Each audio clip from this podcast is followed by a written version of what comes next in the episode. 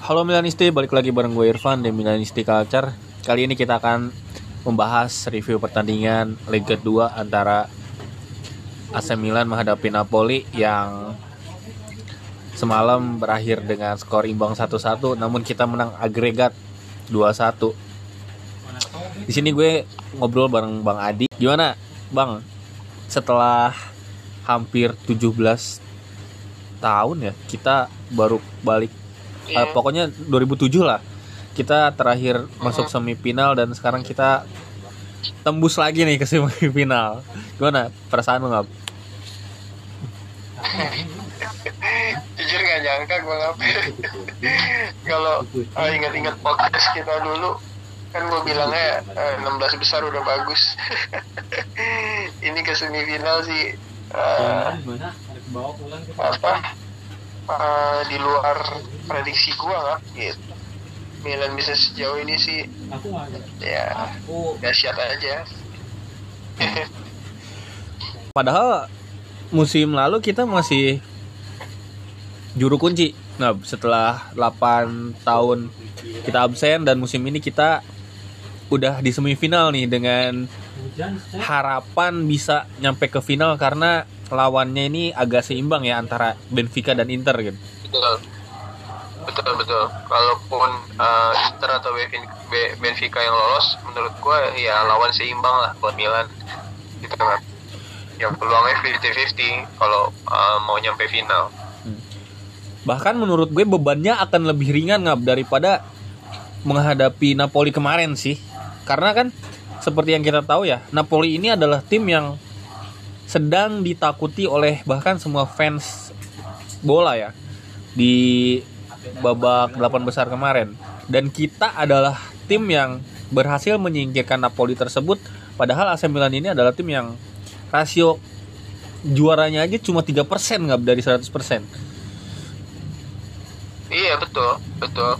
Menurut gue sih kalau uh, di atas kertas ya, terus uh, kondisi sekarang ya nggak ya bener kalau Benfica atau Inter itu kalau Inter nih ya yang kemungkinan besar kan Inter kan karena menang 0-2 kan di leg pertama kan. Uh, menurut gue sih ya lebih mudah dibanding Napoli bener nggak? Gitu. Karena Napoli kita tahu di Serie A aja gimana mereka kan bantai terus lawan-lawannya.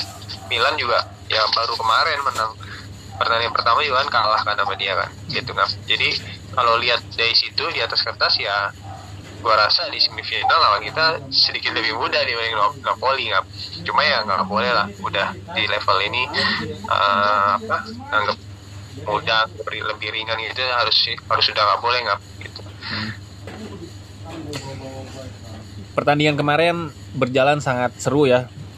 Walaupun AC Milan ini sangat-sangat ditekan terus-terusan oleh Napoli 7 hari 7 malam. Penguasaan bola cuma 27% dengan 35 apa 27 sih 35 kayaknya uh, 27 kita 27 27%. Oh, tujuh Gila sih. Ya, uh, kalau dari segi permainan emang Napoli diunggulin sih ya karena main di kandang gitu nggak ya. Terus, uh, tapi gini nggak, uh, lu lihat nggak, lu perhatiin nggak dari awal aja, kelihatan pemain Napoli itu panik semua. Nggak? Memang memang beda lah. Di Bener. Liga Champion ini memang mental berbicara udah. Gitu. Dari dari pertama aja lihat aja kayak model parat gitu ya. Dia ngambil throw in aja nggak udah kelihatan itu pemainnya pada pada apa panik gitu nggak tenang. Baru menit awal loh nggak gitu. Harusnya dengan kondisi dia seperti itu ya.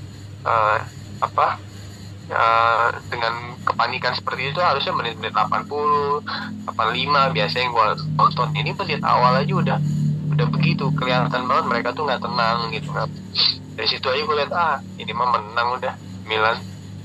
Gitu. Apalagi Calabrianya nutupnya gokil sih malam itu.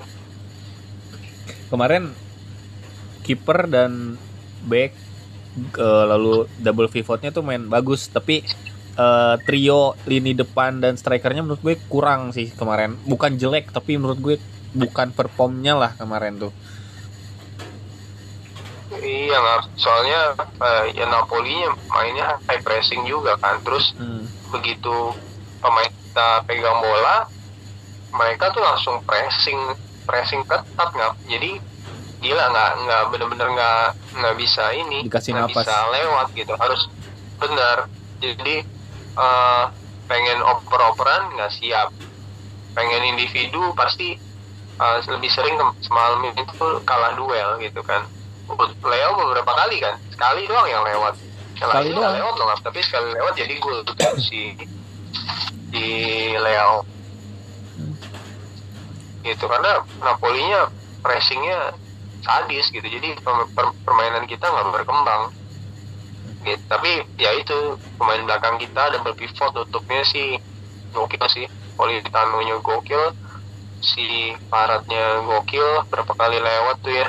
Tapi Calabrianya sih untung sih tenang banget. Gitu nggak Hmm.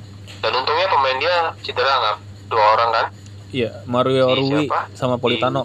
Iya Mario Rui itu gila sih. Gokil tuh back kiri sama Politano. Politano juga kan Hmm. ngeri ngeri sedap tuh. Eh, apa eh, winger kanan gitu. Untungnya dia cedera gitu. Jadi eh, Lozano yang gantiin dia nggak terlalu gimana lah. Jadi mereka benar-benar ngandalin si Farad itu. Dan untungnya lagi Kim Kim Jae nggak main kan. Beda kan. Iwan Jesus nggak sama apa baca doang ke orang.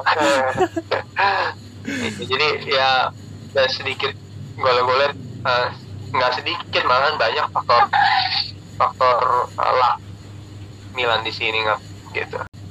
Kayak mentalnya Giroud nggak Lu lihat aja. Gitu. Terus kan gua baca eh, komentar dia kan. Dia nggak pernah gagal berapa? 11 tahun ya? Iya.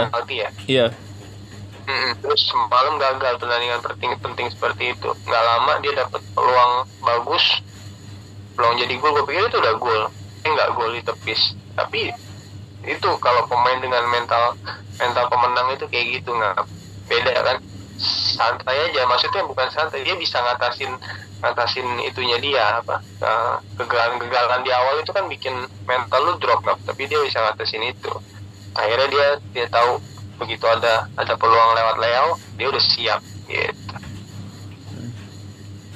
Kalau kita ngelihat kan Milan di pertemuan pertama kan menang 4-0 lalu kemudian kita menang 1-0 dan terakhir semalam imbang 1-1 gitu ini kayak kalau dilihat kan penurunan skor ya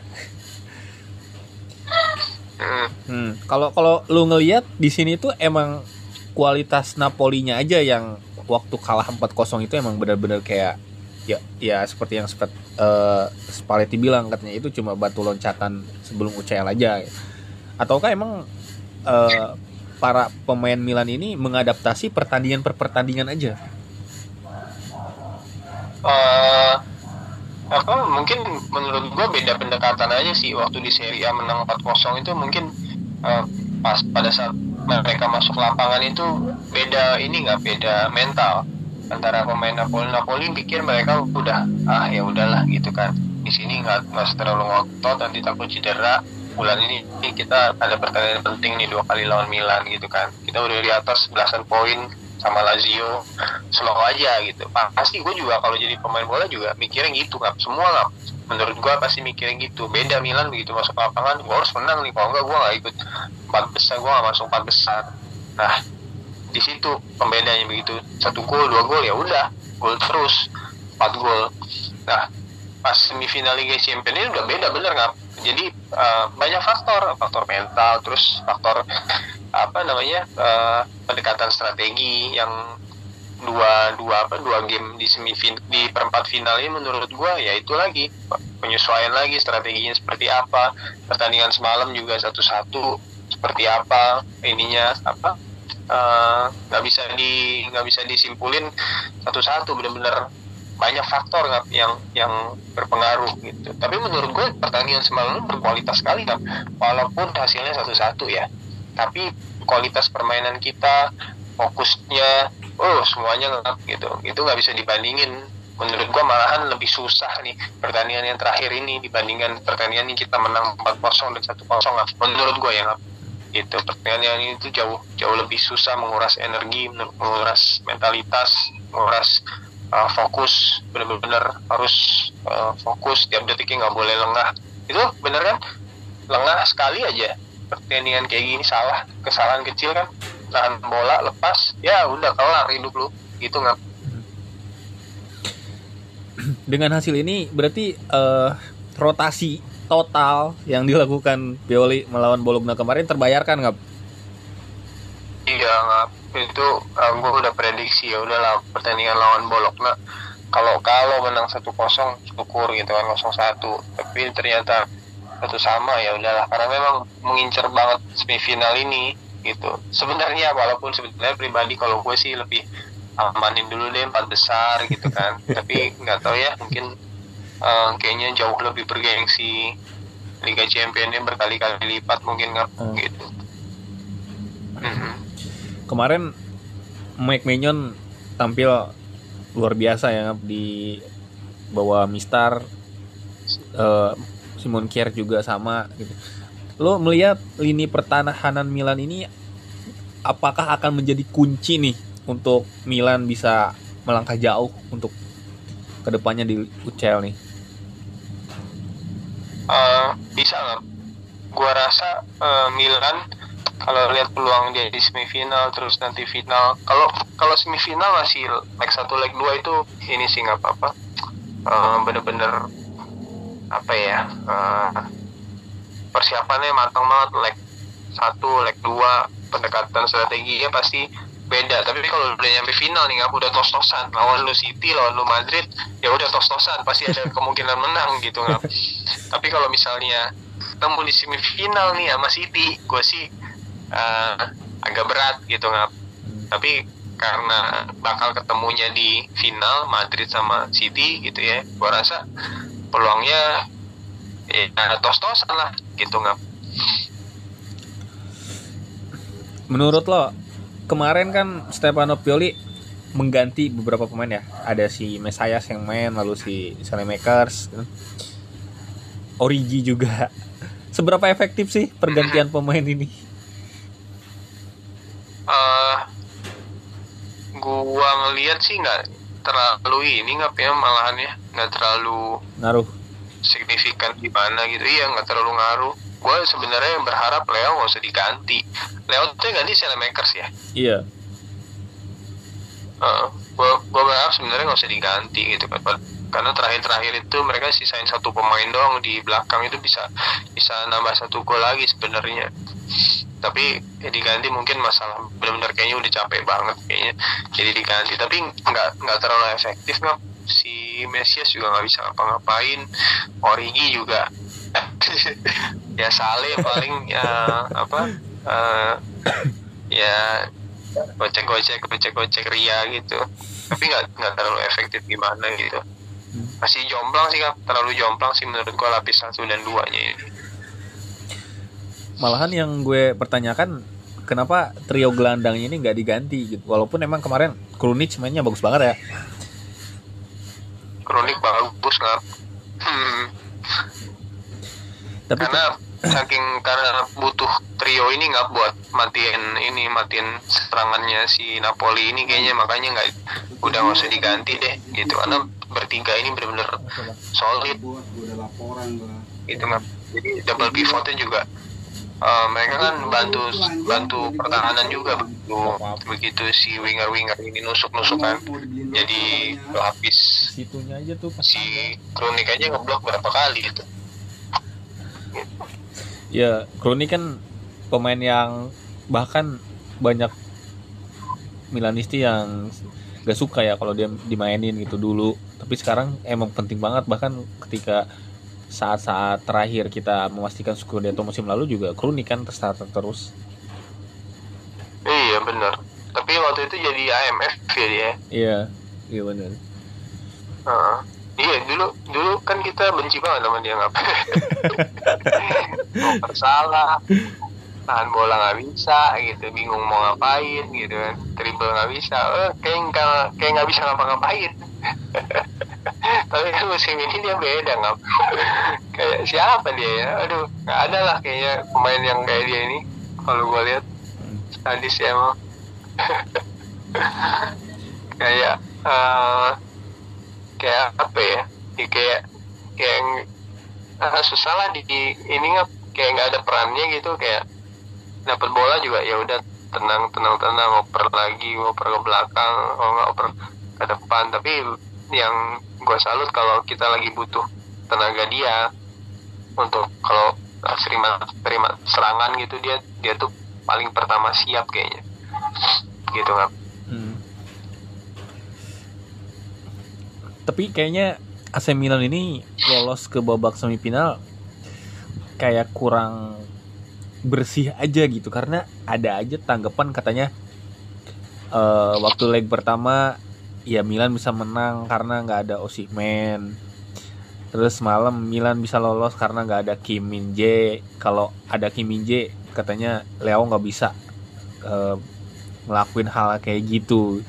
Menurut lo eh, seberapa penting sih gitu mm, cara main untuk lolos ke bab eh, ke babak yang lebih jauh di Liga Champion? Eh, menurut gua mungkin ngaruh nggak ya satu dua pemain pasti pasti ngaruh. Tapi yang namanya Liga Champion ya nggak bisa sih berharap satu satu atau dua pemain. Lu harus tim lu harus udah punya sistem permainan yang yang pakem gitu. Jadi tanpa orang itu pun harusnya tim lu nggak berbeda gitu nggak harusnya nggak. Gitu. Nah gue bisa ngomong ini ya ya buat semua tim gitu. Tapi kalau Milan kehilangan Real juga ya belum tentu juga gitu bagus. Karena kita tahu lapis lapisnya kayak apa gitu. Ya ya banyak faktor lah di sepak bola gitu. Kalau mereka bilang ya Leo tuh bisa gitu karena nggak ada Kim J. Ya, memang ya bisa jadi tapi ya siapa suruh kartu kuning gitu kan. Itulah sepak bola gitu kan. Ya si siapa si main cedera ya dulu juga Milan pemain cedera semua bisa Scudetto tuh gitu. Jadi ya ya itulah sepak bola. Jadi pelat- pelatih kan ngaruh juga harus punya bikin sistem permainan tim yang pakem. Jadi siapa pun yang dipakai ya harusnya nggak nggak mem- membuat kualitas tim itu turun gitu. Harusnya. Tapi kan ini berlakunya buat City buat Madrid gitu ya. Hmm. kalau Milan kan ya nggak ada Leo ngaruh juga. Nggak ada Giroud ngaruh juga pasti terus kalau nggak ada Benacer ya masih langsung ngaruh. Itu nggak nggak ada Mike Nane aja satu. Yang lain full yang lain full tim nih nggak ada aja satu nggak. Pasti kocar kacir juga yakin gue gitu. Jadi eh, banyak sih faktornya. Kalau udah apalagi udah Liga Champion gini ya berdoa aja tim kita. Full tim terus gitu ya. Nggak ada yang cedera nggak ada yang kartu kuning. Ini semifinal kita aman ya nggak ada yang akumulasi kan ya? Nggak ada ya eh, kayak gitu gitu kan. Ngaruh ngaruh banget ngaruh gitu.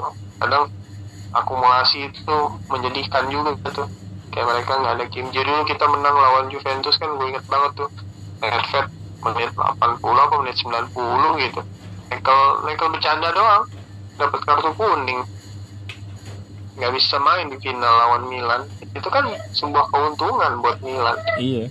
Coba kalau ada Nedved iya bisa diobrak abrik itu ya kan Nedved lagi prime nya waktu waktu itu. Hmm. ya hal-hal yang begitu itu ngaruh nggak cuma kalau kita udah jadi juara hal-hal yang kayak gini nih kayaknya udah udah nggak bakal dibahas.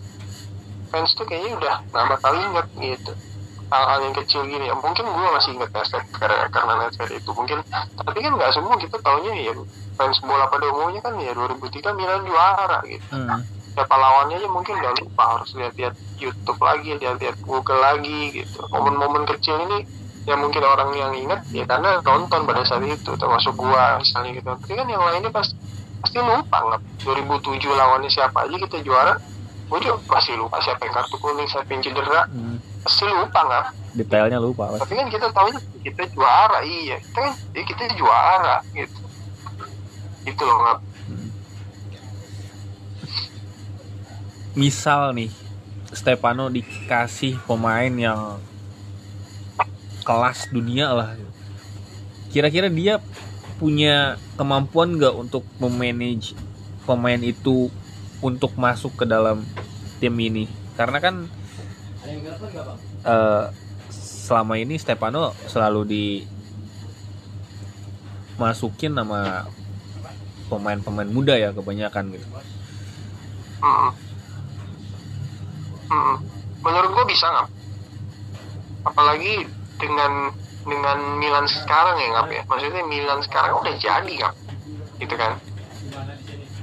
Lihat aja tim tim sekarang ini. Kalau mau copot paling satu dua orang aja. Gitu. Yang di upgrade siapa sih? Paling sayap kanan yang kalau kita boleh polling ya nggak ya? Gue yakin fans Milan posisi mana nih? Nanti lu bikin aja nggak polling iseng-iseng. Posisi mana nih yang satu kalau boleh satu posisi yang yang boleh yang mau di upgrade gitu kan. Mana? Pasti gue yakin sayap kanan. Itu paling banyak dipilih itu Bener. gitu. Nah, habis itu kedua AMF tapi ya kalau lihat AMF belakang belakangan ini dengan sistem sekarang pasti ya ini winger kanan yang dipilih Hmm. Nah, makanya uh, kalau gue jawab kalau ada pemain kelas dunia yang masuk menurut gue kalau sekarang Milan yang sekarang pasti bisa ngap gitu karena nggak terlalu banyak apa adaptasi lagi tapi kalau tiga tahun lalu harus bangun dari awal bareng-bareng ya pasti agak susah gitu. Nah, makanya nih kalau kalau mau upgrade wah sekarang sih kayaknya paling pas deh udah gitu Brahim juga balik ke Madrid kan.